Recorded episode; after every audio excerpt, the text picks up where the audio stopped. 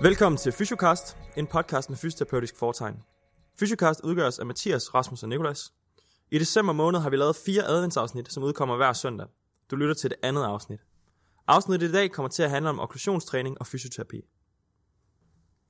I dag har vi fået besøg af Occlusion Rehab and Training, og øh, vil I ikke starte med at introducere jer selv? Det kan du tro. Jeg hedder Andreas Olsen. Jeg er fysioterapeut inde på Sundhedshuset Nørrebro, og øh, arbejder til dagligt øh, ortopæd, kirurgiske og idrætsmedicinske team. Det vil sige, at jeg modtager primært patienter fra hospitalet, der enten er postoperative eller som er konservativt behandlet.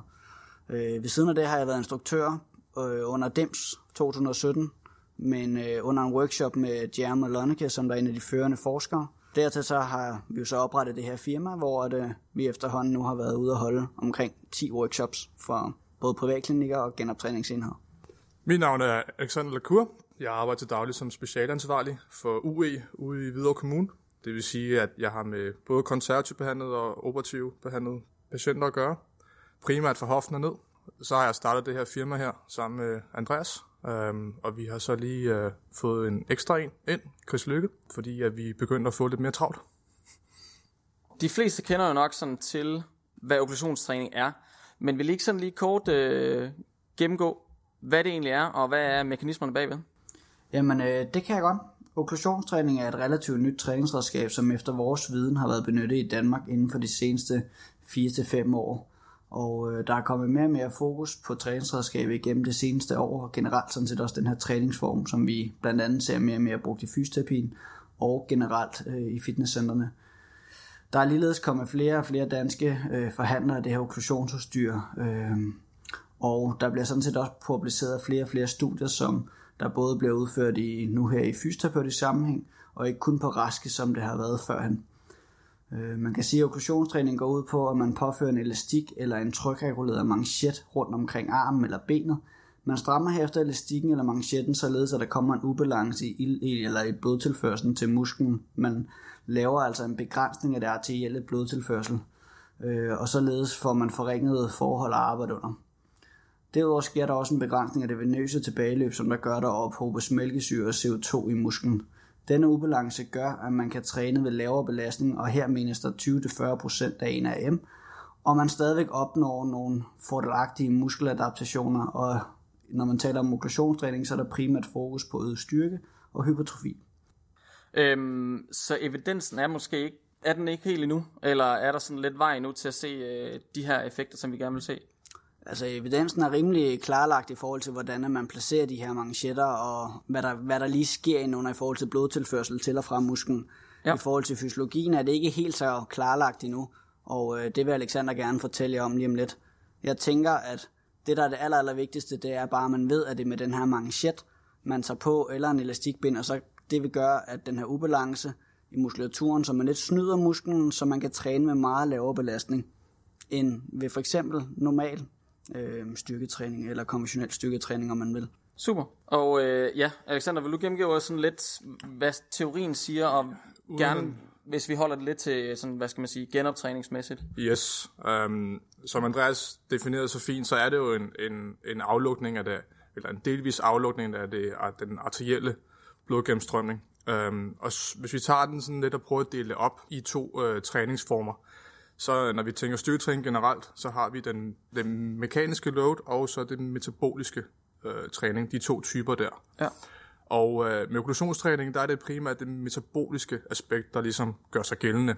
Og hvis vi starter med, øh, når vi kigger på okklusionstræning, så, så ser vi en, en stor ophobning af øh, metabolitter. Øh, og disse stoffer er både lokale og systemiske hormoner om man mener, at øh, der er flere af disse hormoner her, her blandt øh, testosteron og insulin growth factor 1, altså IGF-1, der har en stor effekt på selve hypertrofi.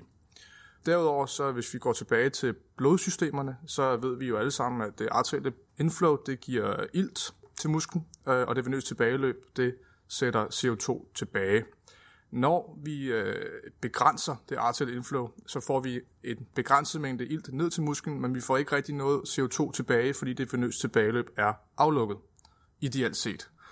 Og det gør, at vi, der opstår sådan en, øh, en ubalance, som Andreas sagde tidligere, og det gør, at, at når vi ser en større CO2-ophobning, så bliver, til det så bliver pH-værdien i musklen den bliver lavere, og dels så begynder vi at arbejde det, vi kalder anaerobt, altså at øh, type 2-fiberne, de begynder at få et øh, bedre, de begynder at få bedre forhold at arbejde under, og derfor så er der også en af grunden til, at øh, de bliver aktiveret. Man kan sige, at en af, en af de ting, som forskerne undrer sig over, det er, hvorfor det er, at de lader sig snyde i og med type 2-fiberne, de ofte lader sig øh, aktivere ved højt øh, mekanisk load. Og det er, som Andreas sagde, en af måderne, vi ligesom kan snyde øh, muskulaturen på. Herudover så, øh, så har vi også sådan en, den her hævelse. Øh, det vil sige, Rasmus, hvis jeg sætter min hånd på dig Ja. og trykker gennem længere tid, så vil der opstå en hævelse under din arm. Øh, Det ser vi også i forbindelse med de her okklusionsmanchetter her. Og man mener, at denne hævelse her, det er ikke kun vand og så videre, det er faktisk plasma. Og man mener, at plasmaen alene faktisk skal have sådan en, øh, en gavnlig effekt. Så vi ser på en masse forskellige faktorer, som ligesom kan sætte den her proteinsyntese i gang. Øhm, vi kan sagtens gå dybere ind i det, men, men jeg tror også, at vi skal være med at kede lytterne alt for meget. Ja. Ellers så må de, øh, så må de uh, tage fat i os. Ja. Så, så nu sagde du det der med type 2 fiber, så, så man får lidt samme effekt, som man gør ved styrketræning. Øh, Ved mindre load. på hypertrofifronten, ja. Og hvad med styrkemæssigt? Vi ser en styrkefremgang, øh, og det siger studierne også. Øh, men hvis, man, øh, hvis vi hopper over øh, et andet spørgsmål, som vi plejer at blive stillet omkring, mm, skal man så lave det her i stedet for tung styrketræning, så er svaret nej. Mm. Øh, hvis man kan lave tung styrketræning, så skal man lave tung, tung styrketræning i forhold til okklusionstræning. Fordi vi ser stadig en større styrkefremgang i forbindelse med tung styrketræning, og det er jo her det neurale drive, der ligesom kommer i spil. Ja. Og det ser vi ikke i samme omfang under okklusionstræning. Ja. Øhm, hvornår er det så, det giver mening for fysioterapeuter at bruge det her? Altså er der nogle øh, patientgrupper, hvor det er mest relevant at bruge øh, okklusionstræning? Det er jo et, øh, det er et spørgsmål, vi ofte bliver stillet, øh, og man kan sige, at det er yderst relevant. Hvis man kigger lidt øh, på vores øh, tilgang til okklusionstræning, så anser vi meget okklusionstræning i rehabilitering for at være et midlertidigt værktøj i forbindelse med at få patienten tilbage. Vi bruger det oftest på patienter, hvor at øh, vi ikke kan komme igennem med normal tung styrketræning. Det vil sige patienter, der er under restriktioner, enten postoperative, eller patienter, der er meget, meget smertepræget. Vi giver et eksempel ude fra, fra os af, og jeg, som jeg også ved, de bruger inde på Nørrebro Sundhedshus, jamen så er det for eksempel ACL, postoperativ ACL. Øh, vi har Stedman, vi har mm, øh, andre knæopererede. Altså folk, der har nogle restriktioner i starten, som gør, at de ikke kan træne tung styrketræning. Øhm, hvis man kigger ud i klinikkerne, så er det jo ikke altid lige de, de grupper, de ser. Øh, men de ser jo også øh, folk, der er blevet lidt mere akut skadet, eller folk, der har øh, noget, en vægtbæringsproblematik, øh, hvor det kunne være relevant for dem også. Og herover så er der selvfølgelig også dem, som har restriktioner i, i forhold til, øh, hvis de har noget artrose eller anden kondition, som gør, at, at de er begrænset.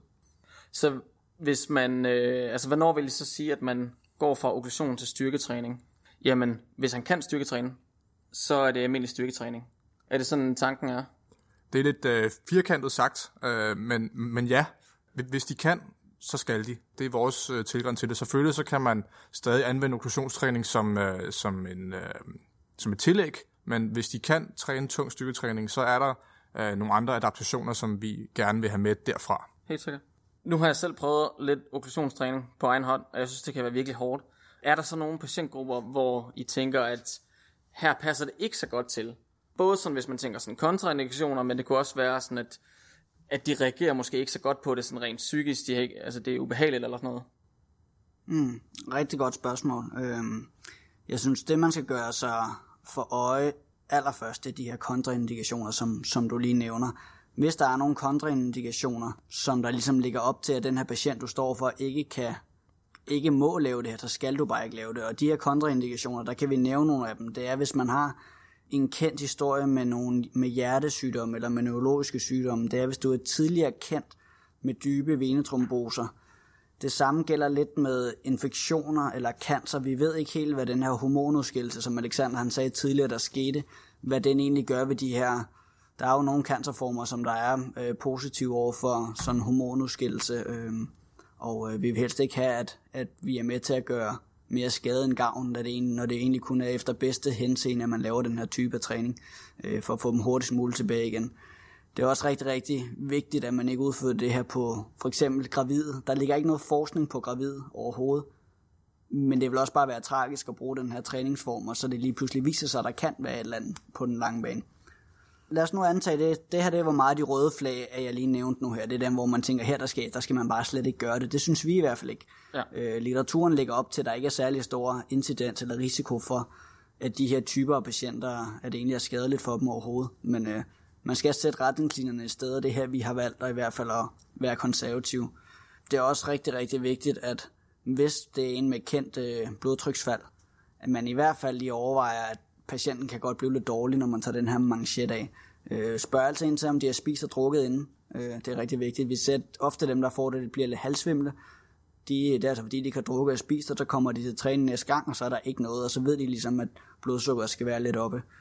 Der er der også nogle øh, grupper, hvor vi bruger det med lidt mere forsigtighed.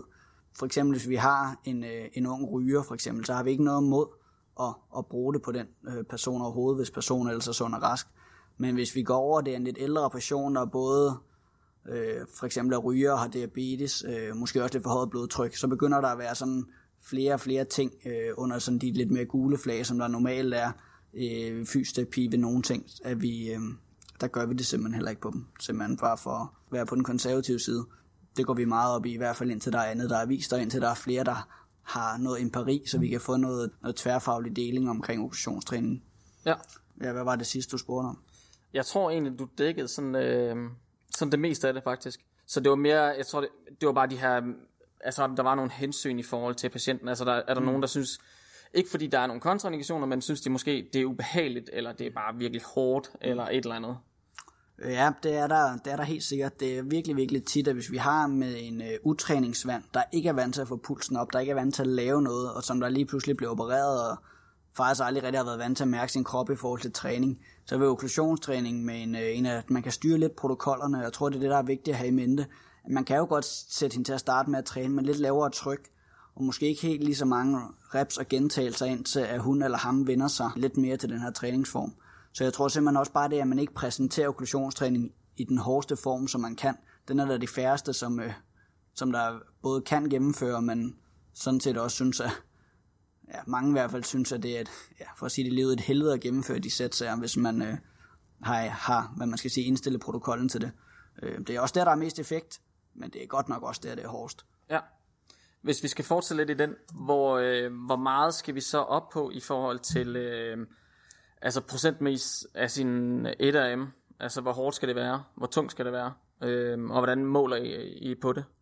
Det, som der er aller, aller vigtigst, det er, at man, hvad man kan sige, i forhold til RM'ene, studierne er lavet imellem 20-40% af en AM. I genoptrænings, øh, i forhold til postoperativ, der er det rigtig svært at finde 20-40% af en AM. Det er sådan set umuligt. Især hvis de har nogle vægtbærende restriktioner, eller andre øh, restriktioner, der gør, at de ikke må lave tung styrketræning der starter vi altså helt nede fra ingen vægt, og så simpelthen regulerer det på trykket, som øh, indtil at vi når de grænser, hvor vi ikke må regulere det længere op. Ellers så begynder vi bare at låde det stille og roligt op, ud fra hvor mange gentagelser de kan tage i sidste sæt.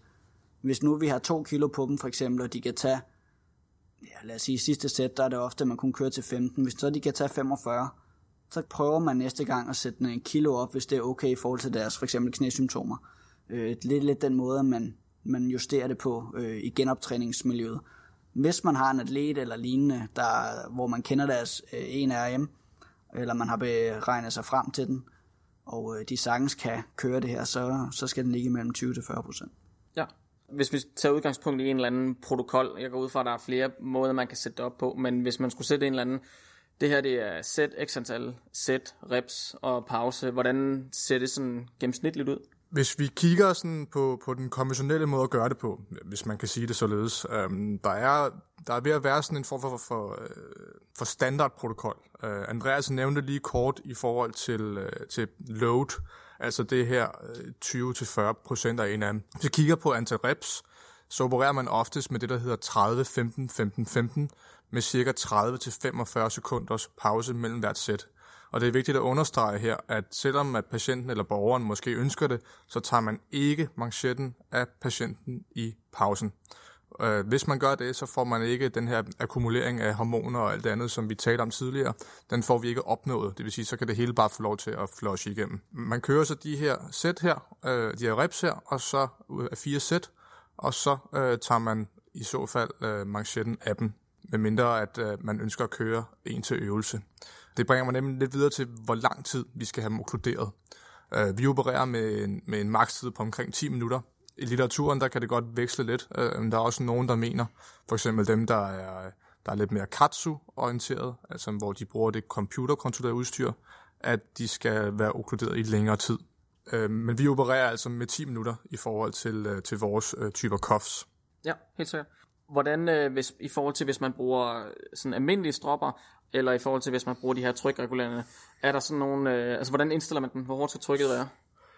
Man kan sige, at øh, man er begyndt at forske rigtig meget det, man kalder PBFR, også kaldet Practical Blood Flow Restriction øh, træning, som er som essentielt er blood flow restriction træning eller okklusionstræning med billigere udstyr. Det bringer os lidt øh, hen til, til, til de, de, forskellige typer udstyr, det forskellige slags udstyr, der, der ligesom øh, er på markedet i øjeblikket.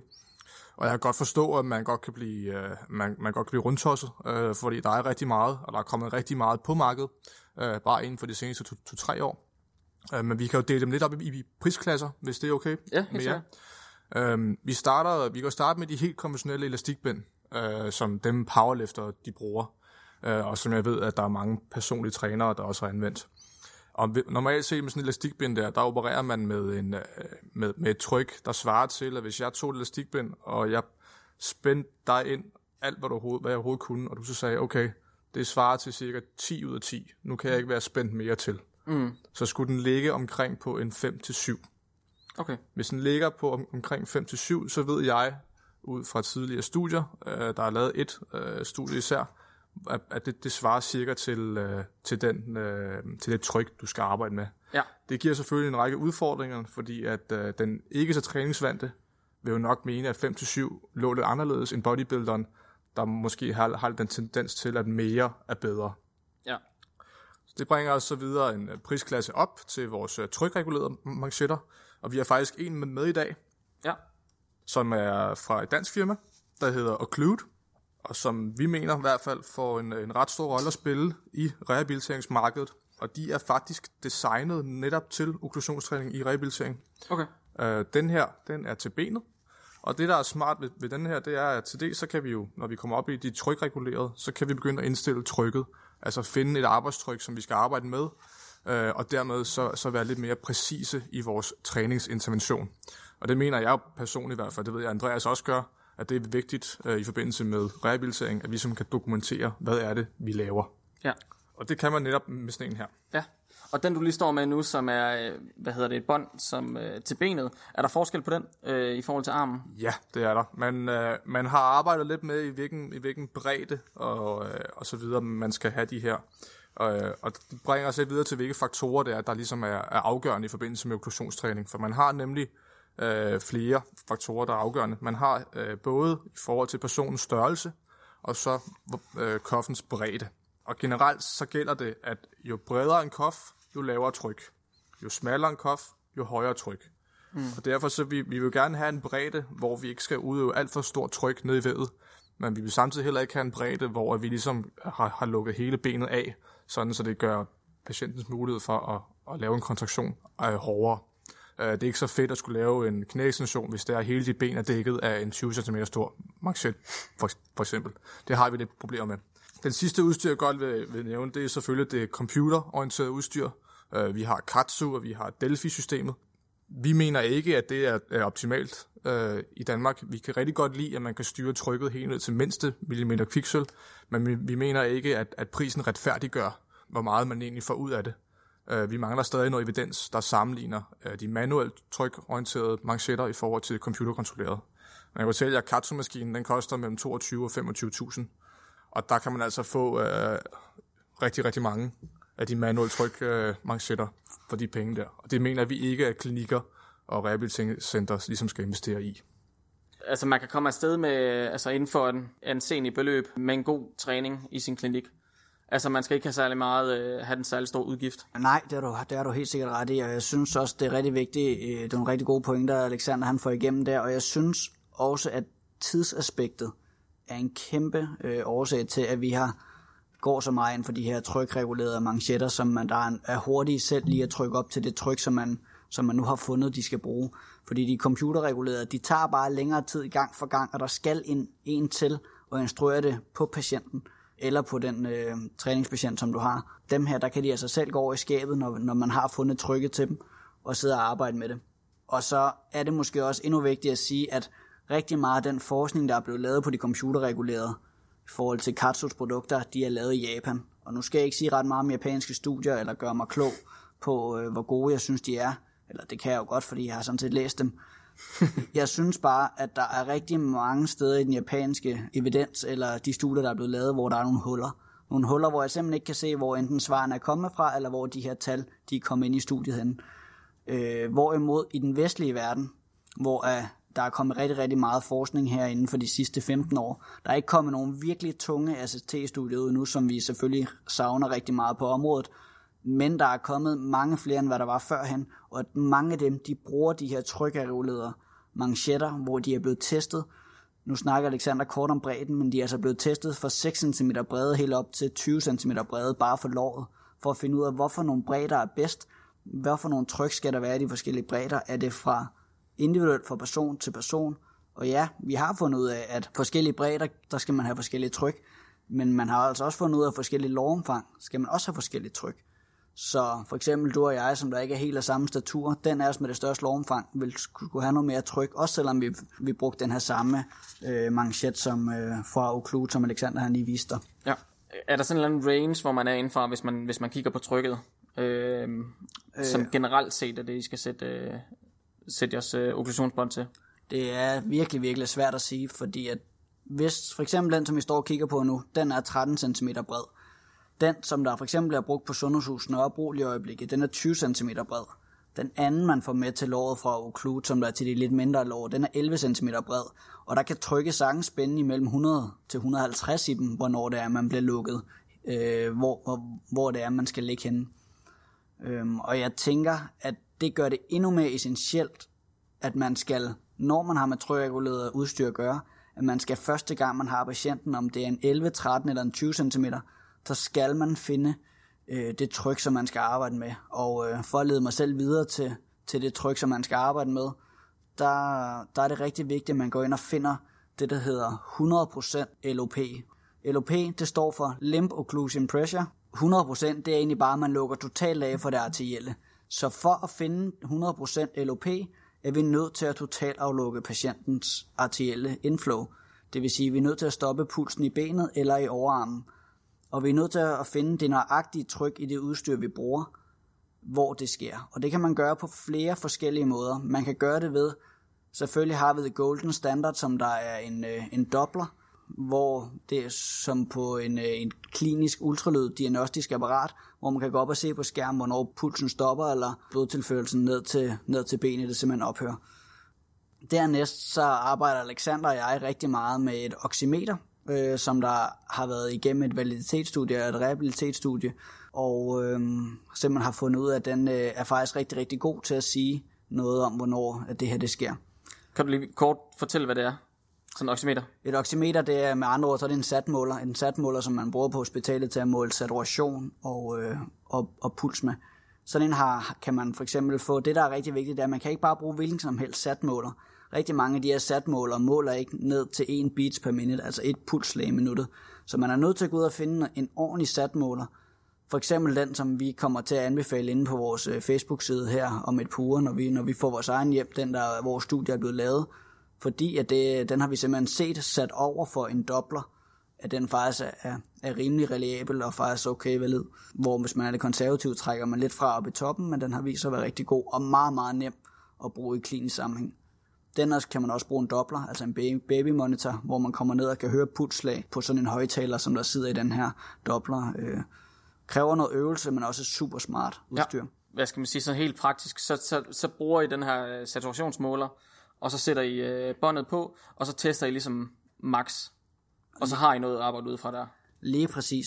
Vi sætter, vi sætter den her man- manchet på. Vi har oximeteret statmåleren eller vores dobler nede på deres ankel, og så pumper vi op, øh, indtil at pulsen stopper. Og det, øh, vi har efterhånden, fordi vi har brugt det så meget, en meget, meget god fornemmelse af, hvor højt vi godt lige kan tillade sig at skrue den op med det samme. Og så derefter, så venter man 10 sekunder, og pumper man den 10 op, fordi det folk vil opleve, det er, at hjertefrekvensen stiger. Og så øh, kan det godt være, at den kommer til at, og det kan godt være, at pulsen lige pludselig forsvinder, men så kommer den altså igen øh, efter et par sekunder, så man er nødt til sådan lige at afvente lidt. Og man fortsætter således med at øge øh, trykket med 10 mm kviksøl, og venter herefter 10 sekunder, og sådan fortsætter man indtil pulsen stopper, og ikke er kommet tilbage igen. Øhm, som Andreas sagde lige før, så øh, har vi jo st- ligesom stræber os efter at finde det her 100% af LOP, eller aflukke folk 100%. Men øh, vi skal jo ikke have dem til at arbejde i det her tryk her, øh, fordi så kommer de til at arbejde iskemisk, øh, og det er ikke gavnligt for noget, skulle man til at sige. Så øh, vi vil helst gerne øh, komme lidt videre til, hvor, hvor er det, man skal ligge henne.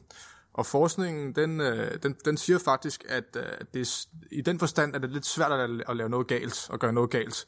Fordi vi har faktisk et ret stort spænd, hvor at borgeren eller patienten vil have gavn af det. Og det, øh, det spænd, det er faktisk mellem 40 og 80 procent af LOP. Det vil sige, hvis jeg aflukker dig, Rasmus, mellem 40 og 80 procent af dit arterielle øh, inflow, og arbejder i det tryk, ligesom, i den, i den range, mm. jamen så vil du stadig have gavn af træningen her. Ja. Uh, man kan sige, der er selvfølgelig lidt, lidt, lidt uh, faktorer, som i, at har du været sengeliggende, og, uh, og ikke sund og rask og så videre, så er det selvfølgelig, der er, lidt- der er nogle aspekter der. Men som udgangspunkt, 40-80% af det arterielle inflow, eller af LOP, det er gavnligt for patienten. Og det gør også, at vi har ligesom de her parametre, vi kan skrue på, både i forhold til uh, load, men også, at vi kan sætte trykket lidt op og ned. Uh, lad os sige, at det er en pa- patient, der ikke er så træningsvant, Ja. og vi vil gerne vil, vil give dem en god oplevelse til at starte med, ikke? ellers så kommer de aldrig igen. Nej.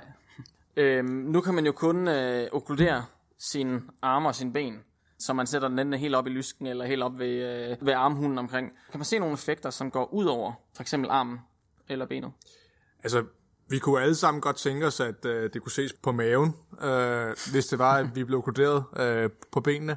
Øh, det er et spørgsmål, som vi, oftest, eller vi ofte bliver stillet, når vi er ude. Øh, man kan sige, at der er sådan lidt to retninger inden for okklusionstræning. Hvis jeg må lede mig selv tilbage til det, med, jeg, jeg sagde her for et par minutter siden, øh, om, de, om de der hormoner her, de systemiske hormoner. Der er jo mange, der mener, at, øh, at de her hormoner her, de virker ikke kun i den ekstremitet og den arbejdende øh, struktur, men også øh, ligesom lidt mere overalt i kroppen. Og man kan sige, at dette giver jo egentlig relativt god mening, fordi når du har, hvis du har okkluderet Rasmus, og, jeg har, øh, og du har akkumuleret alle de her hormoner her i din arm, og jeg så tager manchetten af, jamen, så bliver det jo ikke i armen. Så, så får det jo lov til at komme videre. Og der vil være nogen, der ligesom mener, at alene af den årsag, så vil vi se en systemisk effekt. Japanerne er, er meget fan af det her. Øh, problemet er, at de har, det er svært at, at, at have forskningen med sig i den forstand. Det er svært at måle på.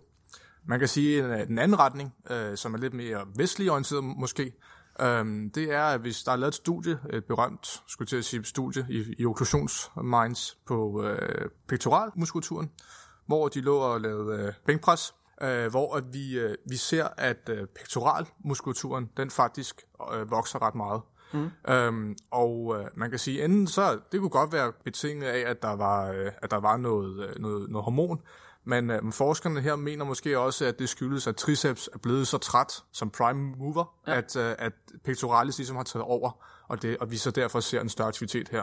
Mm. Øh, kvaliteten af studiet er måske ikke så god i den forstand, at, øh, at det er et ret lille studie øh, med, med, ikke så, med ikke så mange deltagere i sig. Man ser det også på Noclutal, øh, Noclut Max, et andet studie, dog også med begrænsede øh, deltagere. Ja. Det er jo lidt det, der generelt er problemet med okklusionsstudierne, er, at vi, vi har desværre en begrænset mængde øh, deltagere i dem. Jeg kan lave noget reklame for Nørrebro Sundhedshus og så sige, at, øh, at de skal til at lancere Danmarks største øh, okklusionsstudie nu, faktisk, i rehabilitering. Ja. Øh, både på Stedman og menisk øh, opereret. Øh, og ikke menisk reorientationer, jeg beklager, lad mig korrigere den. Stedman og menisk reorientationer. Og det går, rigtig, det går rigtig hurtigt i øjeblikket. Ja. Hvis I skal give med, hvad hedder det, lytterne en uh, sådan take-home message, øhm, som de kan tage med sig i forhold til, når de skal ud og have nogle uh, patienter i klinikken, øhm, hvordan vil den så lyde? Jamen, øh, først og fremmest så øh, safety first, det vil sige, at øh, spørg altid ind til sikkerhedsaspekterne, som vi nævnte tidligere, øh, tidligere blodsygdom. Og så øh, mener vi i Occlusion Rehab, at øh, vi altid, man altid skal benytte sig af trykreguleret udstyr, således at man kan dokumentere og kvalitetssikre den øh, øh, træning, man laver.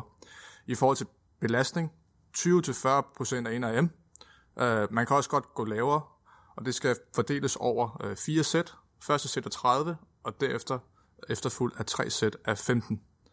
Øhm, og derefter så mener vi jo stadig, at man skal introducere tung styrketræning så hurtigt som muligt, Ja og bruge det som et midlertidigt værktøj.